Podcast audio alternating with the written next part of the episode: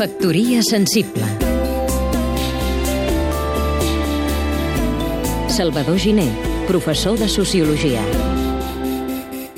La nostra estimada llengua va bé, senyores i senyors.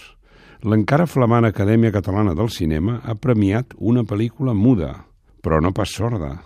Segurament és excel·lent i com a film s'ho mereix prou.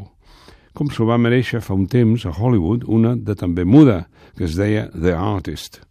No deixa de generar estranyes cabòries, però, que en aquest país que malda per salvar els seus mots, premiem un film sense mots, que du el nom de ser el Premi a la millor pel·lícula en llengua catalana, sense llengua catalana.